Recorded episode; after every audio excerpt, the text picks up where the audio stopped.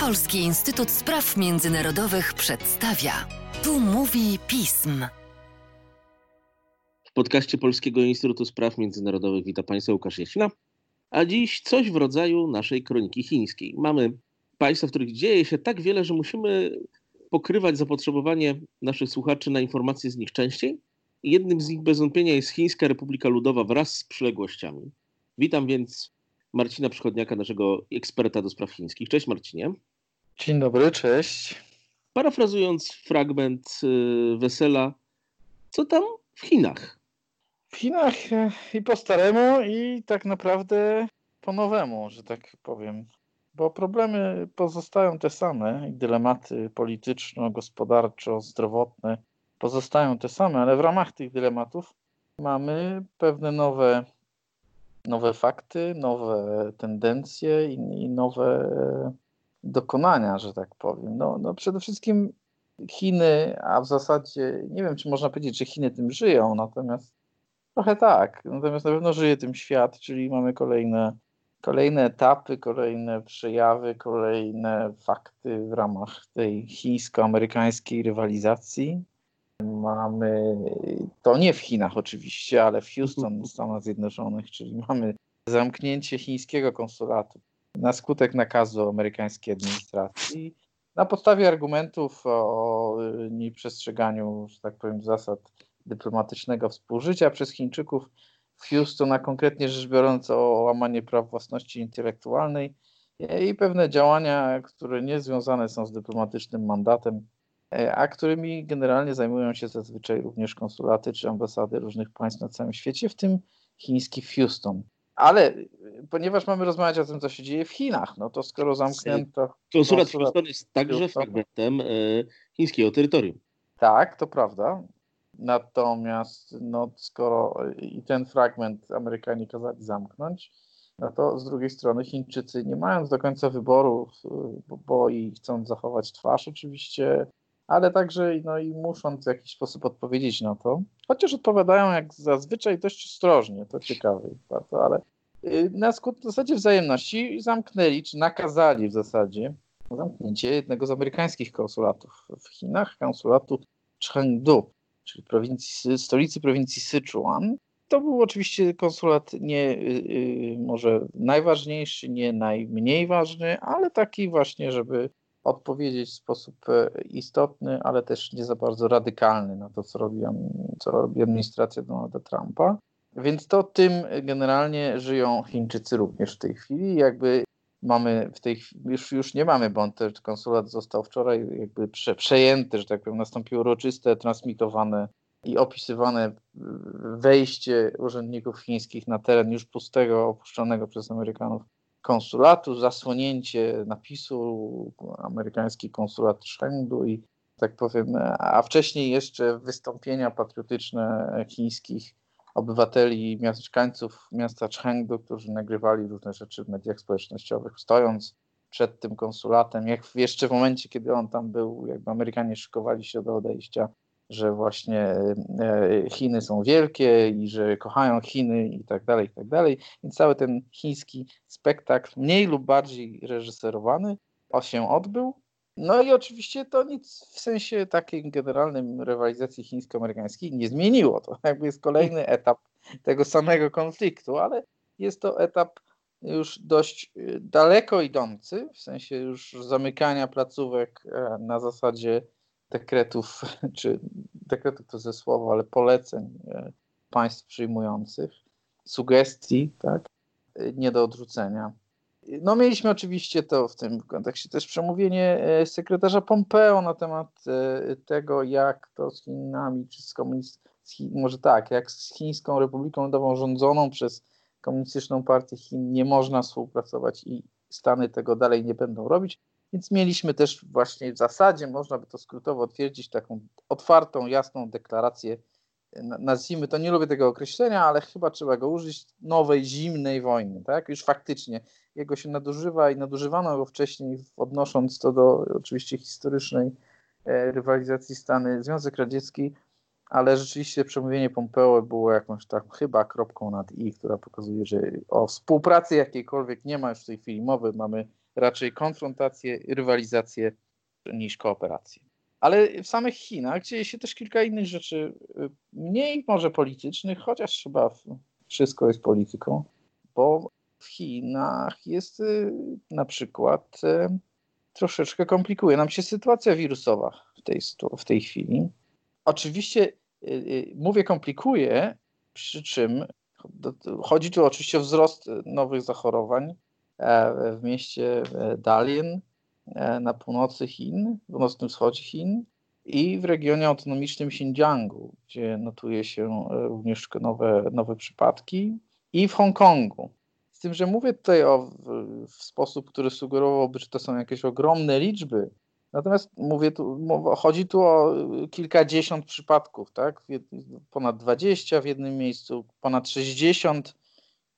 To wszystko jest jakby do 100 maksymalnie, tak? Oficjalnych e, podawanych nowych przypadków, co oczywiście wywołuje władze chińskie bardzo gwałtowne reakcje, tak? Znaczy w sensie naprawdę w Hongkongu na przykład właśnie ogłoszono zakaz e, w ogóle tołowania się w restauracjach nakaz noszenia masek w miejscach publicznych. To są wszystko restrykcje przywrócone. Tak? One już kiedyś były i teraz wracają na fali tych nowych zachorowań. Się mowa o mieście Dalien. Anulowano loty, tak? połączenia mhm. lotnicze z tym miastem e, i do i z. Chińskie władze zapowiedziały, że przetestują wszystkie, wszystkich 6 milionów mieszkańców, którzy tam są bo tam wykryto ponad 20 przypadków. Jakby podkreślam tę perspektywę kilkudziesięciu przypadków, mając w głowie to, ile na przykład e, w Polsce w ostatni weekend wykryto nowych przypadków. Tak? To jest pewna perspektywa, którą warto mieć w głowie, podejścia pewnego, e, jak władze chińskie do tego podchodzą i w jaki sposób chcą e, z tą, chyba już można to powiedzieć, drugą falą zachorowań walczyć.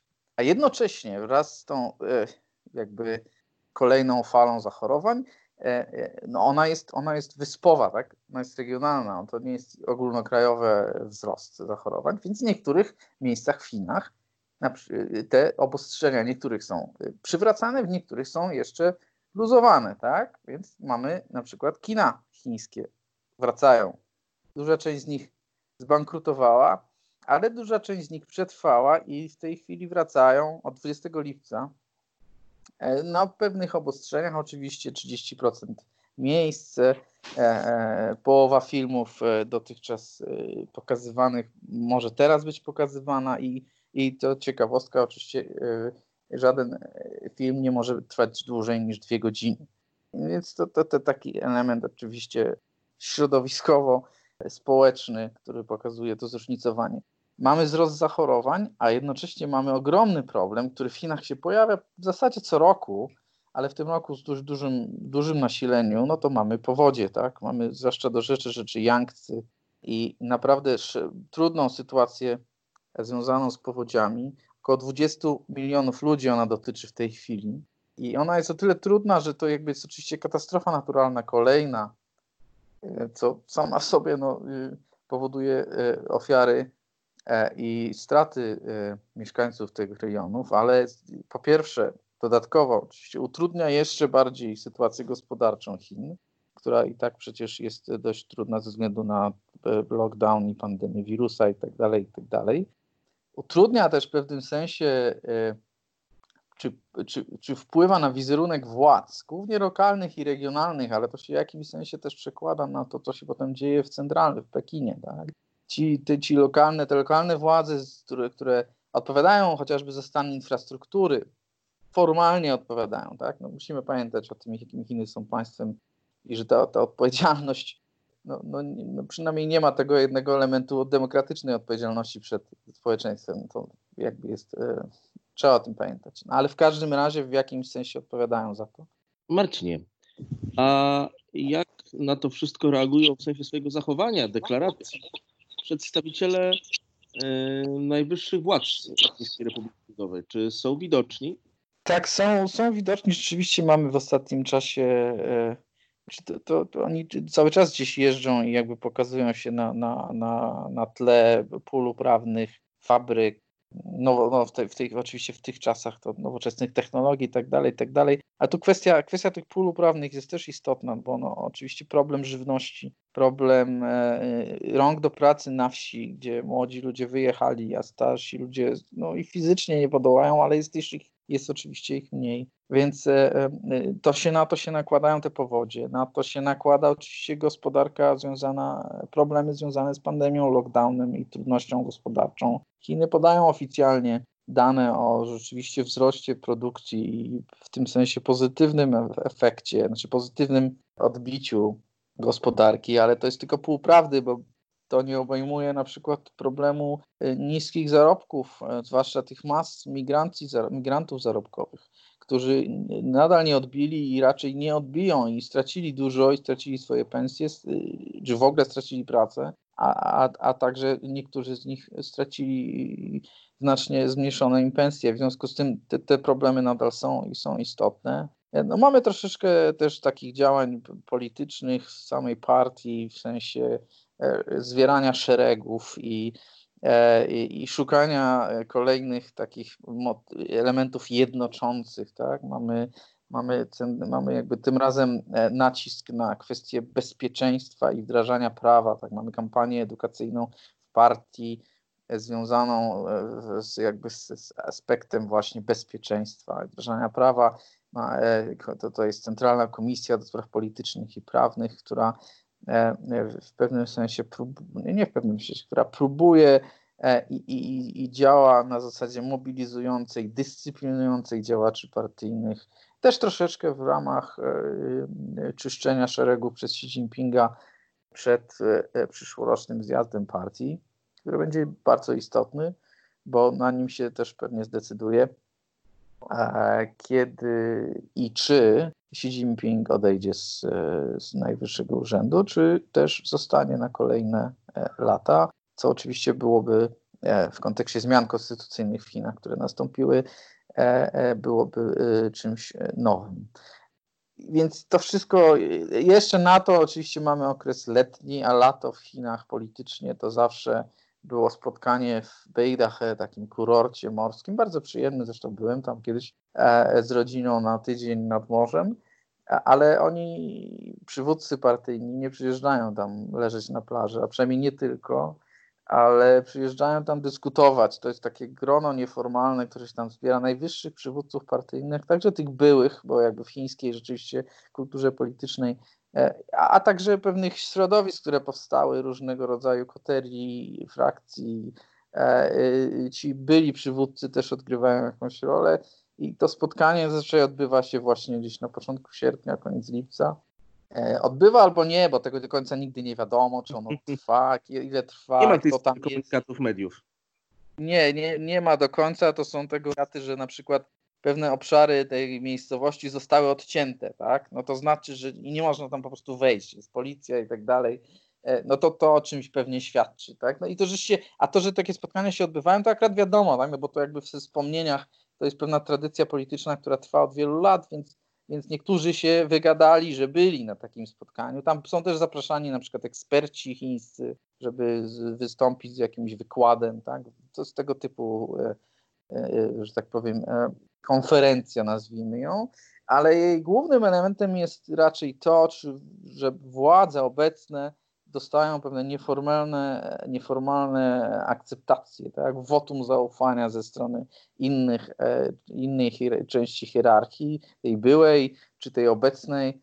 E, I ich polityka jest w jakimś sensie oceniona tam, też właśnie ta sceneria nieformalna pomaga w swobodzie pewnej dyskusji, więc, e, więc do, do tego się, to też pewnie nastąpi za chwilę. No, czyli wszystko toczy się w Chinach mimo Y, alarmistycznych tonów prasy światowej jakoś stabilnie. Tak, oby tylko tama trzech przełomów wytrzymała. O tym nie powiedziałem, ale te powodzie w jakimś sensie e, e, nie o, o, jej stanie mówi się od wielu lat, to prawda, i, i, są różne sprzeczne informacje na ten temat, więc już tylko kończąc, bo czasu chyba mamy już niewiele, powiem, że e, jak to w Chinach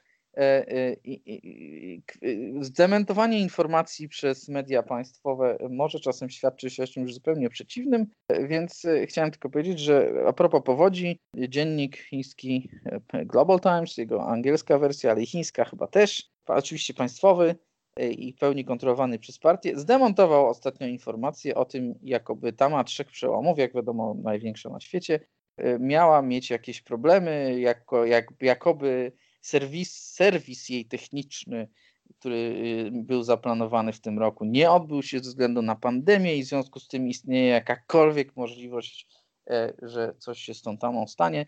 E, ta informacja została całkowicie zdementowana jak wiadomo, wierzymy najbardziej informacje, które już zostały zdementowane.